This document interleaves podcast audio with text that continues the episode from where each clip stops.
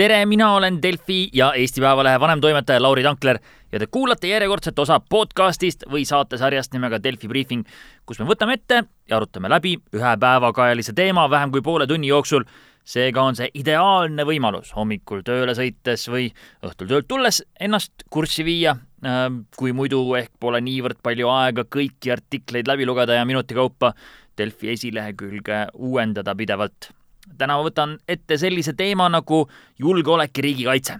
septembri esimesel nädalal ehk siis nüüd sel nädalal, kui see podcast nii-öelda eetrisse läheb, tulevad Eesti Euroopa Nõukogu eesistumise raames Tallinnasse kokku Euroopa Liidu liikmesriikide kaitse- ja välisministrid ning nende üheks põhiliseks aruteluteemaks on see, kuidas saaks Euroopa ühiselt kaitse- ja julgeoleku teemadesse senisest rohkem panustada see pole lihtsalt niisama jututeema, et ah, räägime Euroopa kaitsmisest, see on küsimus, see küsimus on läbi aegade tekitanud üle Euroopa väga vastakaid, väga palju vastakaid arvamusi, nimelt Euroopa Liit ju ei ole tegelikult kunagi olnud sõjaline ühendus, vaid majanduslik ja poliitiline selleks, et et Euroopa Liidu riikide vahelist sõjalist konflikti selles mõttes nagu ära hoida äh,. igasugune sõjaline koostöö on alati olnud siin vastuoluline. kõik riigid tahavad ju tegelikult ise otsustada, millistesse sõjakolletesse oma sõdureid saata, kui palju oma riigieelarvest kaitsekulutustesse lükata ja, ja kõige olulisemalt see,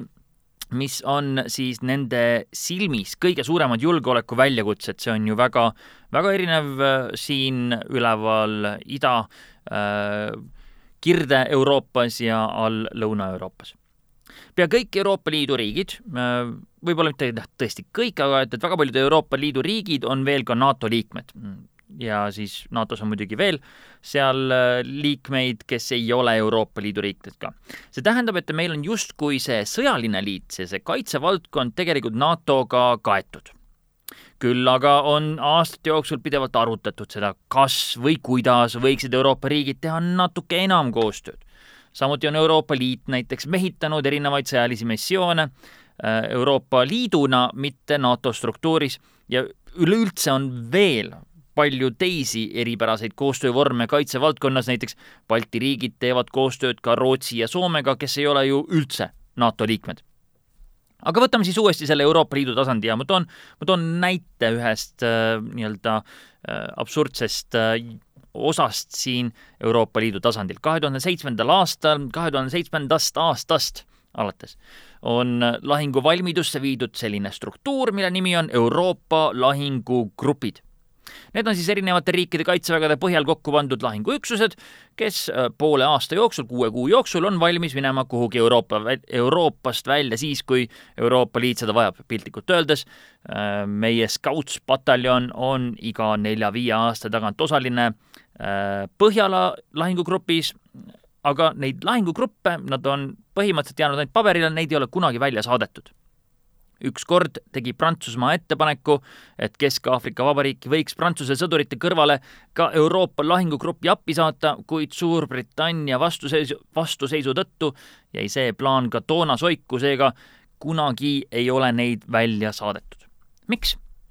Sest keegi ei taha tegelikult lahingugrupi väljasaatmise eest üksinda maksta. paberi peal on hea öelda, et näete, meie sõdurid osalevad praegu poole aasta jooksul Euroopa lahingugrupis, kuid ka kui Eesti riigieelarvest peaks eraldama raha selle jaoks, et seesama üksus sõidaks selleks pooleks aastaks Kesk-Aafrika Vabariiki, ei pruugi see otsus nii kergekäeliselt tulla.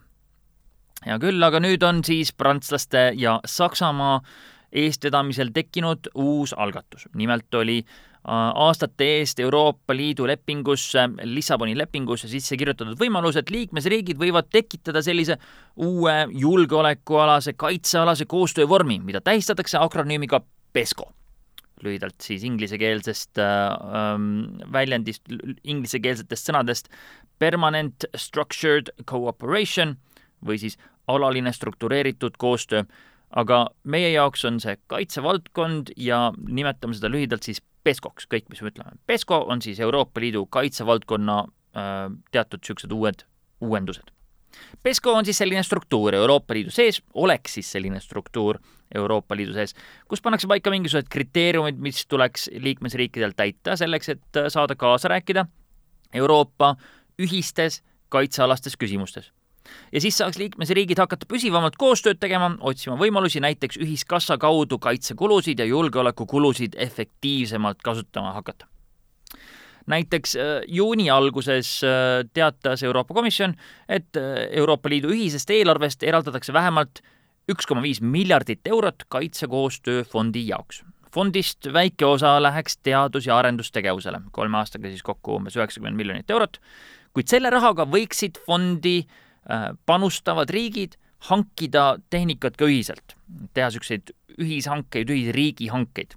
tegemist on esimese korraga, kui Euroliidu ühisest eelarvest kaitsevaldkonnale raha eraldatakse ja kui riigid äh, vedu võtavad ja hakkavad ise ka sellesse veel raha panustama, võiks kaitsefondi maht pärast kahe tuhande kahekümne esimest aastat olla juba viis koma viis miljardit eurot aastas kõlab küll suure numbrina, tegelikult on see muidugi Euroopa ühise raha mõttes väike summa, arvestades veel enam seda, et enamik NATO Euroopa liitlasi siiamaani ei panusta kaitsesse lubatud kahte protsenti sisemajanduse kogutoodangust, kuid see on vähemasti algus. ja see on osa sellest, mida siis PESCO võiks tähendada Euroopa Liidu äh, uue, uute initsiatiivide osas Nende ühiste kaitseinvesteeringute kohta on Euroopa Liidu välisasjade kõrge esindaja Federica Mogherini toonud võrdluse, et Euroopa Liit investeerib kaitsesse umbes viiskümmend protsenti sellest, kui palju investeerib USA, aga selle summa pealt suudab Euroopa Liit panustada vaid viisteist protsenti sellest, mida suudab USA. Need numbrid näitavad äh, seda, kui killustunud see kaitseinvesteeringute valdkond on. lühidalt kokku võttes, kui Eesti tahab osta endale äh, näiteks radarisüsteemi siis me ise saame endale lubada selle oma väikese eelarvega võib-olla mingisuguse kehva, odava variandi. kui Eesti, Läti ja Leedu tahavad seda koos osta, saab juba natuke parema. aga kui Eesti koos kahekümne seitsme ülejäänud Euroopa riigiga otsustavad, et radarisüsteem peaks meie piirkonda turvalisemaks muutma, annab soetada või isegi eraldi välja töötada juba teistsuguses kategoorias lahendusi. see on PESCO üks nendest mõtetest teiseks mõtteks on needsamad lahingugrupid, millest ma enne siin rääkisin. Euroopa Liit üritab välja mõelda praegu, kuidas tekitada mingisugust ühiskassat selle jaoks. et kui päriselt oleks vaja minna appi Lähis-Itta, Aafrikasse julgeolekut tagama, siis, siis oleks seda võimalik teha ja rahastada seda ühiskassast. kaitseministeeriumi asekantsler Kristjan Prikk rääkis mulle just hiljuti, et küsimuse all on ka näiteks nende lahingugruppide ajaraamide pikendamine poolelt aastalt ühe aasta peale samuti graafiku seadmise, seadmine selliselt, et riikidel oleks kuus aastat ette teada, millal nende kord on lahingugrupp kokku panna. ka see on üks PESCO mõtetest. kolmandaks on asekantsler Briti sõnul oluline paika panna ka see, kuidas saaks sõdureid ja varustust mööda Euroopat ringi vedada. nimelt praegu on igal riigil oma regulatsioon ja piirangud selle kohta. kas raudteel võib vedada soomustehnikat või millist sõjaväetehnikat üldse tohibki riiki sisse lubada? See on üks järgmine asi, mida Euroopa riikide äh, hulgas soovitakse lahti rääkida, et kuidas saaks ühiselt kokku leppida, milliste marsruutide peal näiteks saaks äh, oletame, et Itaaliast Eestisse varustust või sõdureid tuua. ja ka kõik see on põhimõtteliselt äh, PESCO idee.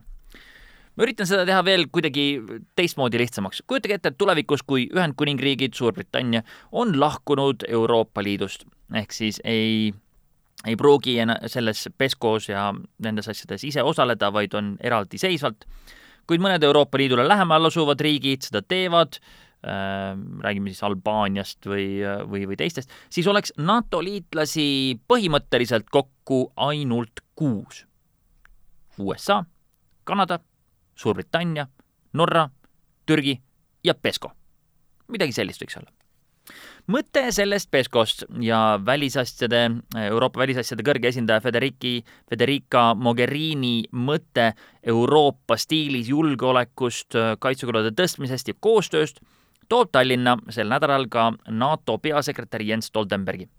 enne siia tulekut oli mul enne, enne tema siia tulekut oli mul võimalik esimesel septembril Brüsselis NATO peakorteris teha Stoltenbergiga intervjuu kus peale Eesti ja maailma julgeolekuküsimuste küsisin tema käest ka seda, mis on tema mõtted nende teemade valguses. esimesena uurisin seda, et, et kas tema võiks, tema silmis võiks see PESCO ja muud Euroopa kaitsekoostööalased uued ideed hakata konkureerima NATO-ga. Stoltenberg vastas mulle nii It has been clearly stated from many uh, uh, European leaders uh, that the aim of stronger European defense is not to uh, compete uh, with NATO, but it is to complement uh, NATO. mitmed Euroopa juhid on juba seda öelnud, et tugevama Euroopa julgeoleku eesmärgiks ei ole konkureerimine NATO-ga, vaid NATO täiendamine. Samuti on nad öelnud, et juttu pole Euroopa armeest, pole juttu uutest juhtimisstruktuurideks, mis konkureeriks või dubleeriks NATO omasid. tegemist on NATO-le täienduse pakkumisega. niikaua, kui see nii on, on tugevam Euroopa julgeolek igati teretulnud NATO täienduse, mitte alternatiivina seetõttu on oluline ennetada ka seda, et tekiks kõrvuti samasuguseid struktuure ja nii edasi. sest ma usun, et tugevam Euroopa kaitsestrateegia on kasulik nii Euroopale, Euroopa Liidule ja NATO-le. ning seda on ka öeldud, et see on Euroopa nii-öelda tugisamba tugevdamise jaoks NATO struktuuri sees.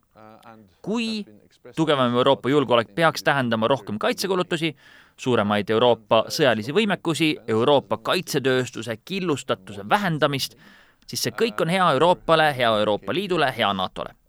NATO on teinud üleskutse Euroopa liitlastele suurendada oma kaitsekulutusi, teha enam ja koordineerida enam oma panust. aga Euroopa Liit ei suuda mingil viisil asendada NATO-t kollektiivkaitse või heidutuse osas. me peame meeles pidama, et eriti pärast Suurbritannia lahkumist Euroopa Liidust tuleb kaheksakümmend protsenti NATO kaitsekulutustest väljaspoolt Euroopa Liitu. kolm neljast Ida-Euroopa regiooni lahingugrupist on juhitud siis väljaspool Euroopa Liitu, USA, Kanada ja Suurbritannia poolt. ja muidugi kõige, kõige suurem kaitse-eelarve NATO-s on USA-l, kuid suuruselt teine tuleb Suurbritanniast.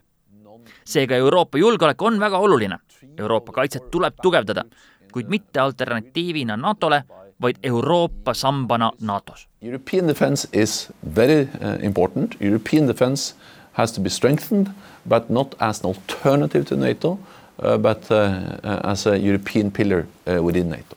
ma küsisin seejärel ka seda, kuidas tema silmis hakkaks välja nägema nii-öelda julgeolekukomplekt, et uh, igal riigil on kõigepealt oma sõdurid, NATO struktuurides toetatakse neid sõdu, nende sõduritega teisi liitlasi, kuid mis see Euroopa julgeolekukoostöö tema silmis siis tähendaks, on need mingid radarid, mingid muud võimekused või mis see on? Well, I, I think that we have to be very clear about what is European defense.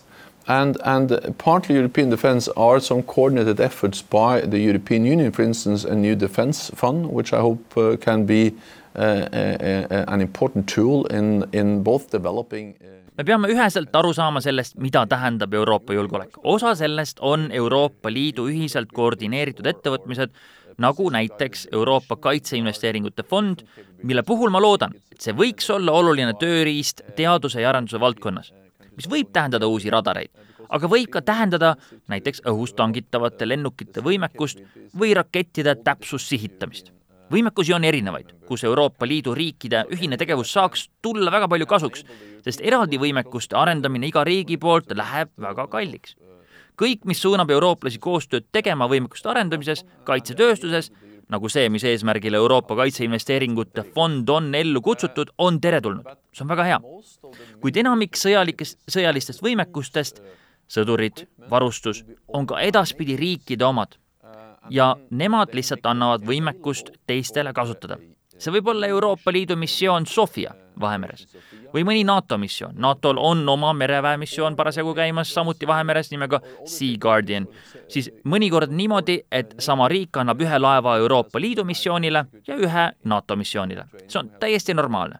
see lihtsalt näitab, et samad riigid panustavad nii Euroopa Liidu kui ka NATO missioonidele, pole probleemi, kõik on hästi nii kaua, kuni me koordineerime ja töötame koos ning seda me teeme ka praegu. The same nations are contributing both to EU and uh, NATO, no problem, that's good, as long as we coordinate and work closely together and that's what we are doing. Peale Euroopa koostöö oli mul võimalik küsida ka meie piirkonna julgeoleku kohta ning ma püüdsin seda küsimust sõnastada niimoodi, et saada aru, mis hetkel võiksid Eesti analüütikud ja poliitikud tõmmata korraks pidurit vaadata kogu seda NATO uut julgeolekuhoiakut meie piirkonnas ja öelda, et hea küll, nüüd on vist enam-vähem asjad paigas, tõmbame hetkel hinge, täname taevast ja liitlasi, et me ei pea enam muretsema oma turvalisuse pärast hetkel. Stoltenberg muidugi päris niimoodi äh, vedu ei võtnud, loetles üles kõik selle, kuidas NATO on pärast kahe tuhande neljateistkümnenda aasta Venemaa Ukraina suunalist agressiooni olukorraga kohanenud, kuidas meil on siin lahingugrupid, kuidas siin on staabielemendid, suurenenud on õppuste hulk, õhupatrullide hulk ja nii edasi. selle peale küsisin ma otse, et kas see on tema viis öelda eestlastele, et nüüd on see hetk, kus me enam muretsema ei pea ja saaksime rohkem jalga puhata. Stoltenberg vastas mulle nii. Estonia must know that NATO is able uh, to protect Estonia uh, and that's the case now. Eesti peab teadma, et NATO suudab Eestit kaitsta. nii see on praegu ja nii see on olnud sellest hetkest alates, kui te olete liikmeks saanud. muidugi maailm muutub, nagu ta näiteks muutus pärast Venemaa hiljutisi käike Ukraina vastu. seadusevastaselt Krimmi annekteerimine, Ida-Ukraina destabiliseerimine. ja NATO vastas sellele ja me oleme kohandanud oma sõjalist kohalolu Balti riikides, me peame olema valvsad ja kohanema kindlasti uuesti kuid praegu on meie kohalolek selline, mis on minu hinnangul heas tasakaalus ja proportsionaalne sellega, mis väljakutsed meil siin hetkel on.